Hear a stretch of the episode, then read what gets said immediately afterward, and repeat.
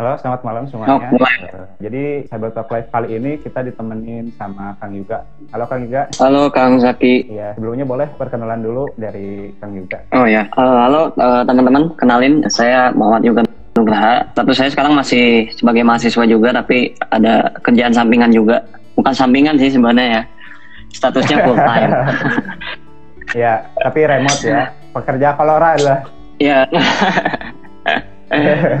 Kebetulan sekarang lagi di Jogja sih. Masih di Jogja. Mhm. Ya, bisa ke mana-mana. Ah, nantilah. Tahun depan ada rencana sih Bandung. Oh, Oke, oke, oke. Balik ke Bandung. Balik ke Bandung. Nah, jadi kali ini tuh kita mau eh, apa ya? Sekadar sharing season lah pengalamannya Kang juga di dunia perartian, dunia persilatan dan juga bahas-bahas sedikit tentang DevSecOps. Jadi mungkin dari teman-teman masih ada yang apa ya? belum familiar sama yang namanya DevSecOps. Jadi apa sih itu Kang? DevSecOps itu? Kalau sebenarnya DevSecOps itu bukan bukan sebuah role sih harusnya ya seharusnya. Jadi itu seperti kayak eh, alur alur bagaimana kita mengimplement- mengimplementasikan eh, sebuah eh, security ke dalam produk kita. Jadi yang awalnya bisa dibilang SDLC hanya development hanya kita eh, mementingkan produk itu jadi gitu kan. Jadi tapi sekarang kita Iya. masukin nih dari sisi security-nya ke dalam produknya. Jadi memang eh, Nah. jalan berdampingan dengan produk yang kita buat gitu. Itu secara singkatnya. Iya, iya. Iya. Soalnya kan dulu saya pertama dengar-dengar tuh belum DevSecOps tapi masih DevOps. Nah, yang Iya, seknya itu jadi ada awal- kan. Ya, awal muncul tuh DevOps itu di 2017 eh 2018 atau 17 itu baru mulai naik sih, mulai Baru- hype lah. Ah, iya baru booming ya. Iya, sebenarnya udah lama ada, udah lama mungkin di luar, cuman di Indonesia baru. Oh ada nih, ternyata itu eh, bisa dibilang kalau menurut saya ya, kayak pengganti title untuk orang bagian infrastruktur sih. Biasa kan network engineer, sysadmin. Nah sekarang Iya, iya. udah berubah nama, jadinya DevOps gitu. Iya. Bahasa kerennya lah ya. Iya, kerennya DevOps. kekiniannya. Ya. ah. Ya. Terus menurut Kang Yoga sendiri manfaat dari adanya DevSecOps ini apa sih?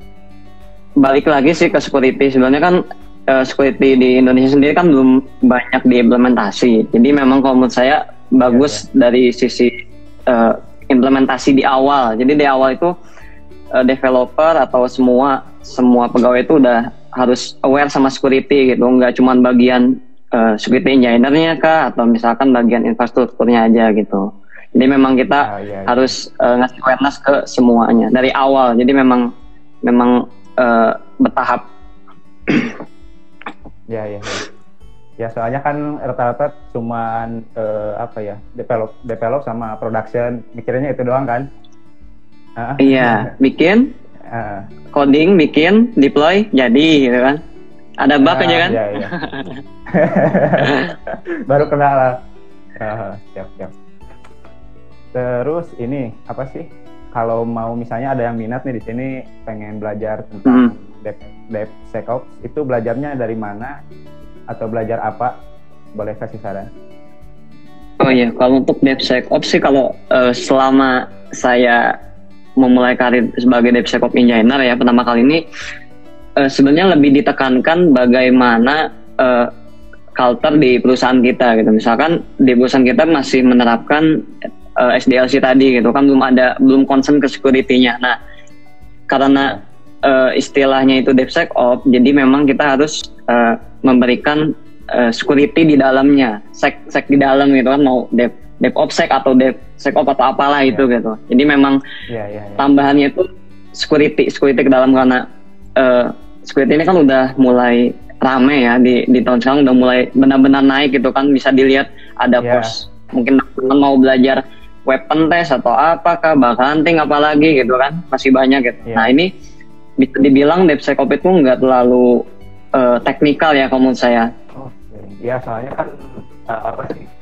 Kalau dulu-dulu ya zaman-zaman let's say Hmm. lah sebelum 2017 awareness tentang Ah. security memang masih kurang ya. Iya Ya, masih masih kurang banget aja itu mas- ah, ah. adanya media kayak kita aja masih Ya. eh, apa masih pada aneh kan Iya. apa sih bahasannya kan kayak gitu Tapi sekarang cuman kalau sekarang kayak sekarang ya iya udah informasi cyber tuh udah kayak udah biasa gitu kalau sekarang ya. Iya, uh, apalagi buat next generasi itu pasti udah kayak makanan sehat Iya. sih, makanya uh, kita terus update masalah informasi disability buat awareness ke teman-teman juga. Oke, terus buat masalah apa ya? Tolak ukurnya kan biasanya kalau kayak di network ada sertifikasinya, kalau di DevSecOps sendiri ada nggak sih sertifikasi? Eh sebenarnya sertifikasi buat apa ya kayak mungkin yang internasional benar-benar pacuannya itu belum ada ya belum ada benar-benar kayak Nah. kalau di security kan mungkin teman-teman kalau ada yang pernah dengar CEH gitu kan ESI Council Ya. terus Ya. OpenShift Security memang Ah. semua pasti nggak ada yang nggak tahu OpenShift Security ESI Council gitu. Nah Ya. kalau untuk di DevSecOps sendiri kebetulan karena memang apa ya role yang baru gitu kan baru baru benar-benar naik sekarang dan ada di beberapa perusahaan besar gitu kan. Mm-mm. Jadi belum ada patokan yang eh, secara resminya gitu garis besarnya merujuk ke mana kah gitu untuk belajar DevSecOps ini. Iya, iya, iya. Terus kalau masalah peluang kerja nih, peluang kerjanya gimana sih di DevSecOps sendiri sama range salarinya itu?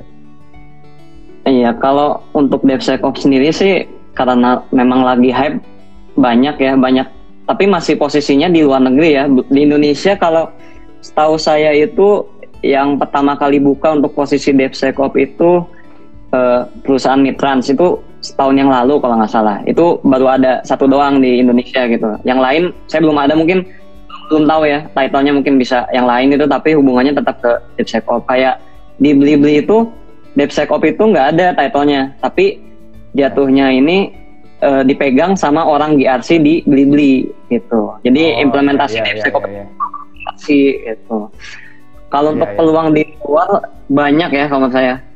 Banyak banget gitu Iya. karena tapi untuk acuannya sih perusahaan yang udah benar-benar besar gitu kayak Microsoft, Yahoo atau dan sebagainya Ah. tuh udah mulai mengadopsi DevSecOps gitu. Jadi role untuk Hmm. di tahun ini eh, kemungkinan akan sangat banyak gitu. Cuman untuk lokasi di kita sendiri di Indonesia ya belum begitu banyak. Mungkin de- DevOps engineer, security engineer kayak gitu. Ya, masih kayak gitu ya bahasanya ya. Iya, kadang ada sih kayak requirement-nya harus paham SDLC, SSDLC gitu kan, dimasukin untuk Ah. requirement security engineer atau misalkan Iya. ada lagi istilahnya infrastruktur security kalau saya dengar ya. Ah, Ada lagi iya, cloud iya, iya. security, nah itu ada lagi gitu. Jadi memang sebenarnya satu kesatuan ya, cuman beda title, title aja kamu Iya, cloud security ya, apa kayak, gitu. ah, ah. Kayak IT administrator sama sys administrator hampir sama kan? Nah, iya hampir sama kan. Cuman beda penyebutan doang. Oke. Terus kalau masalah range salary ini, boleh kasih bocoran nggak? Di kisaran berapa sih biasanya kalau buat Kalau- posisi ini? Eh, kalau salary ya eh, paling kecil itu sekitaran 20 ya kalau untuk di luar ya Ya. karena belum kalau di Ya, Indonesia mungkin pasti patokannya Jakarta ya kalau Iya, Indonesia pasti patokan patokan Jakarta. Iya. kalau di luar sih segitu sih Oke. dan memang cakupannya ini banyak luas sih sebenarnya DevSecOps ini jadi kita nggak cuman paham pemakaian tools memang kita harus gimana sih cara nerapinnya di waktu yang bagus dan sebagainya gitu hmm, Jadi nggak sembarang role aja gitu. Kita cuman, oh posisimu cuman sebagai DevSecOps engineer tuh apain sih gitu, ngapain aja gitu. Nggak cuman kayak gitu. Nah, untuk DevSecOps sendiri, nanti ngopreknya ngoprekin apa aja sih kan? Eh kalau di saya kan, eh kalau kebetulan di perusahaan saya ini kan lebih bergerak ke bidang training ya, training sama course gitu. Ah, Jadi kayak Iya.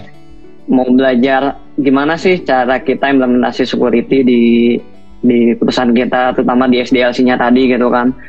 hmm, Nah, eh, untuk basicnya itu pasti eh, security, security itu pasti ya, karena DevSecOps gitu kan. Security itu pasti, terus eh, infrastruktur itu udah umum lah, umum umumnya di infrastruktur.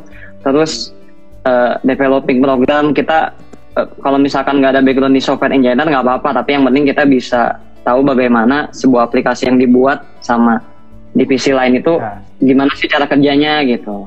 Jadi nggak nggak diwajibkan bisa ini atau misalkan pengalaman gimana gitu. ya. Ya. Kayak let's say lah kalau di security ya misalnya nggak nggak terlalu bisa coding juga, yang penting tahu basic-basicnya. Ah, ya. Nah, Pasti gitu kan. Iya. Pentes ah, kebanyakan mungkin ada yang nggak di backgroundnya software engineer tapi kok bisa gitu kan testing dapat ini dapat bug itu gitu. Ya. Aha. nah, Kang Yuga sendiri tertarik buat terjun di bidang ini, ceritanya gimana sih dulu?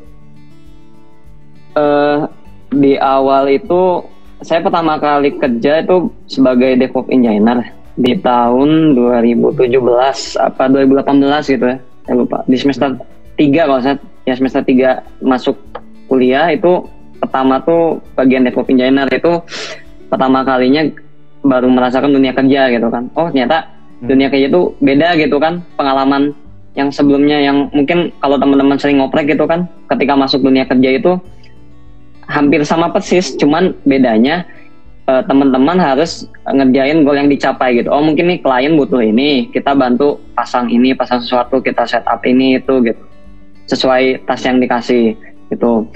Terus di tahun berikutnya masih di status yang sama sebagai DevOps engineer, mainnya masih di infrastruktur. Dari awal itu saya belum pernah ya, eh, apa ya, kayak megang server cara eh, server eh, apa ya, bare metal langsung ke ke data centernya gitu kan. Atau Iya, iya. eh, yang pertama kali saya pegang itu cloud. Jadi cukup SSH gitu kan SSH kita install sesuatu ya kayak biasa eh, belajar. Misalkan teman-teman belajar install web server atau Nginx gitu kan. Ya udah install gini gini ini sama prosesnya sama sebenarnya kayak teman-teman belajar cuman yang dibedakan ini eh, kita harus benar-benar nggak membuang waktu. Jadi kalau ada dari klien minta ini kita harus segera cepat dan misalkan konfigurasi yang dipakai itu nggak nggak by default gitu. Jadi memang kita harus belajar gimana sih cara cara mengoptimisasi server gitu kan konfliknya kayak gimana dan lain-lain itu selama pengalaman saya di infrastruktur 2 tahun. Nah sekarang ini eh, kebetulan baru masuk eh, empat bulan atau lima bulan di perusahaan Singapura. Eh, untuk kerjaannya sendiri lebih banyak sih lebih banyaknya di pembuatan course ya. Jadi eh, banyak di riset saya sekarang. Jadi belajar nih Iya, iya. cloud native itu apa gitu microservice apa. Pasti kan teman-teman mungkin pernah dengar gitu kan apa sih microservice apa sih container docker gitu. Sekarang lagi hype sih bukan lagi hype sebenarnya banyak dipakai sama perusahaan-perusahaan gitu kan udah banyak diimplementasikan gitu. Soalnya sekarang kan mainannya pada cloud semua. iya Hampir pada semua pada Eh, cloud ya, pakai cloud. Nah, terus ini terakhir nih, pertanyaan terakhir nih. Kalau Hmm. mau belajar tentang DevSecOps, ini ada nggak saran-saran belajarnya di mana? kalau saran belajar untuk DevSecOps ini basisnya infra dulu kalau menurut saya infra dulu eh, kayak Hmm. kita tahu dulu nih share eh, OS terus cara kerjanya gimana terus kita harus ada basic di network juga penting gitu memang Ya, penting untuk uh, basic di network ini kalau apalagi di di infrastruktur gitu.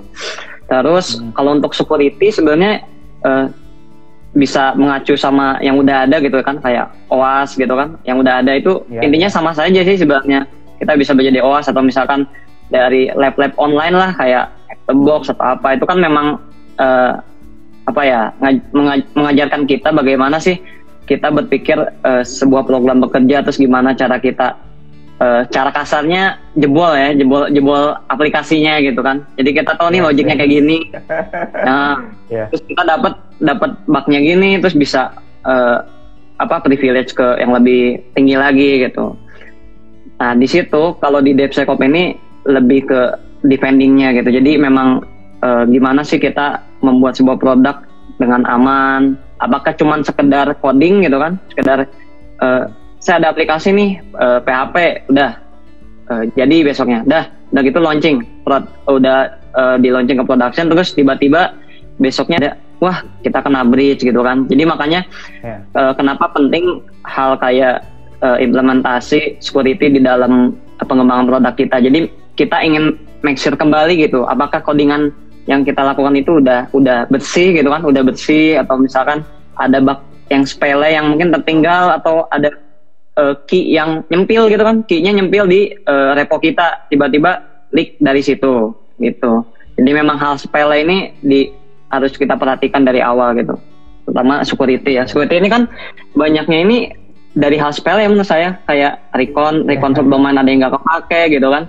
Terus nemu uh, git repository yang yang leak gitu kan public terus ada uh, key-nya yeah, itu kan sebenarnya hal sepele gitu nah makanya kita penting nih untuk uh, mengutamakan kayak scanning standar misalkan kita scanning kerentanan di library aplikasi kita gitu kan siapa tahu ada RCE di library-nya atau sebagainya hmm. jadi memang yeah.